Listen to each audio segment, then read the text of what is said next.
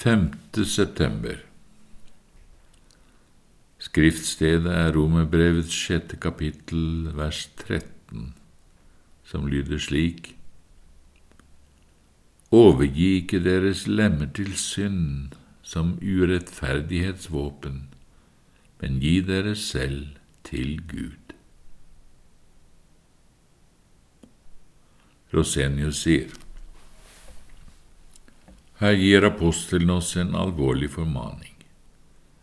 Hvis vi ikke kan unngå at synden angriper oss i vårt indre med onde tanker og lyster, så må vi ikke med vårt legemes lemmer også utføre det onde. Men hele tiden, tvert imot all indre ondskap, tale og leve etter Guds ord. Derfor mener han her da helt konkret vårt dødelige legeme og dets lemmer, øyne, øre, tunge, hånd, fot. Ditt øye kjenner seg blendet enten av jordens forgjengelige skatter, av forførende legemlig skjønnhet eller av verdens stas og prakt. Og disse synlige tingene vil da dra deg mot synden. Da er det om å gjøre at vi flyr bort fra lysten som stiger opp i oss, og ikke engang lar øyet lenger være opptatt med dette som forfører det. For ellers overgir du det nettopp til synd, som urettferdighetsvåpen. I øret ditt mottar du fristelser når du hører på syndig og forførende tale og stanser du likevel opp og lytter, da overgir du ditt øre til synden som et urettferdighetsvåpen. Når du blir sint, blir du fristet til å såre, stikke eller være spydig mot dine medmennesker med din tunge, eller på grunn av hemmelig uvilje eller misunnelse fristes du til å baktale eller sette ut rykter om et medmenneske som ikke er til stede, og fordreie hans ord og gjerninger verst mulig. Og slipper du tungen løs i slike fristelser, da overgir du den til synd som et urettferdighetsvåpen. Men gi dere selv, altså både med legeme og sjel, med alle indre og ytre krefter til Gud. Først og fremst skal vi gi hjertets frykt, tillit og kjærlighet til ham, og så videre all lydighet og tjeneste, både i gjerning og i lidelse. Det er dette vi skal gi til Gud.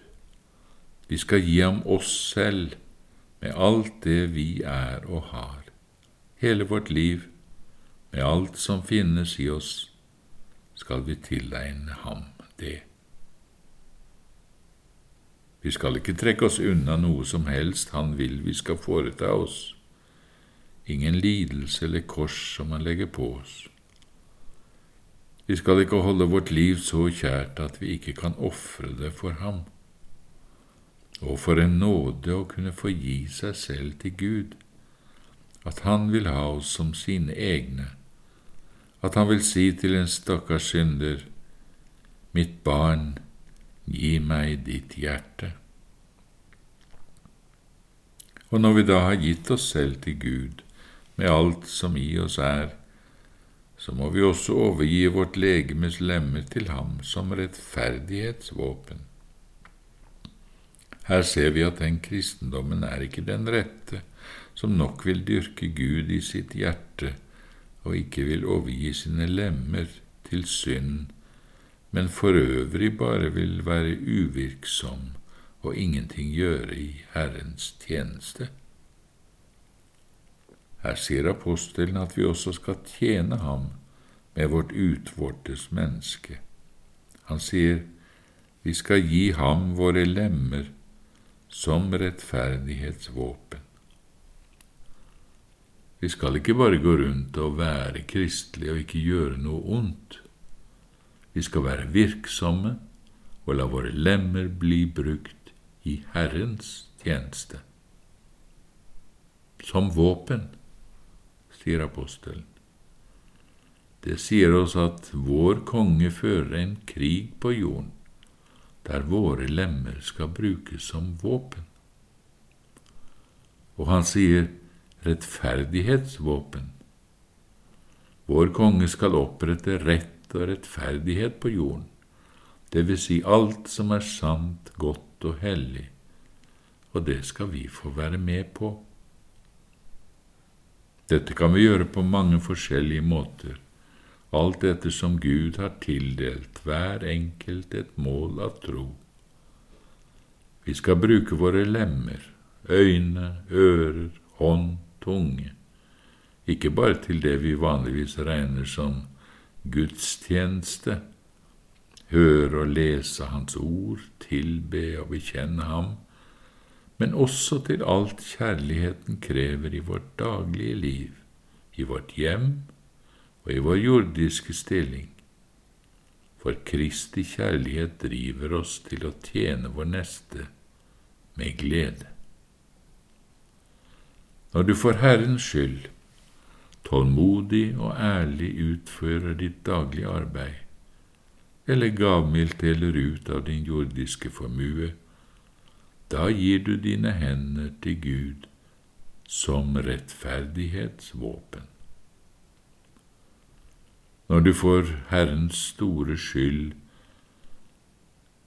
når du for Herrens store nådes skyld gjerne går kjærlighetens ærend, da gir du ham dine føtter. Når du av kjærlighet taler det som er godt og nyttig, enten formaner, trøster og lærer menneskene Guds vei, eller tar deg av barn eller syke, trøster i sorg og lignende, da helliger du din tunge til Gud som rettferdighetsvåpen. Når en arbeider i verkstedet eller ute på åkeren, en fattig tjener eller tjenestejente, levendegjort av nåden, i med- og motgang, trofast og tålmodig, utfører sine plikter, da skal de ha den oppmuntring at de ikke bare tjener mennesker, men Gud selv. For til alle som i tro og kjærlighet for Kristi skyld tjener sin neste på den måte hver enkelt er i stand til, skal den store, trofaste Herren en dag si, Dere har gjort det mot meg. Og for en stor trøst og oppmuntring vi har, hvis vi alltid har dette klart for oss. Tenk for et salig kall mens hele verden tjener synd, for vi overgir våre liv med alle våre krefter og gaver til den store Herrens tjeneste, for å delta i Hans hellige krig på jorden. Det er da virkelig en ubeskrivelig herlig oppfordring for vår ånd. Gi dere selv til Gud og deres lemmer som rettferdighetsvåpen for Gud.